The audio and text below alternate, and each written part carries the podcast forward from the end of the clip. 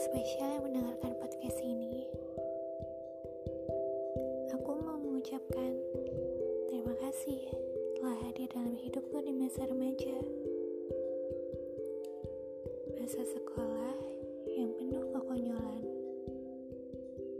Terima kasih telah berbagi cerita.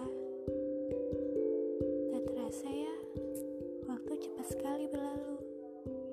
Dan kini kita semakin dewasa. Umur di dunia pun berkurang. Aku harap kamu sehat selalu dan bahagia. Semoga skripsimu dimudahkan dan semangat selalu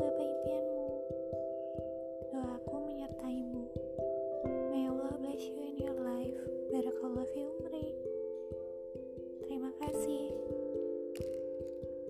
telah mendengarkan podcast ini.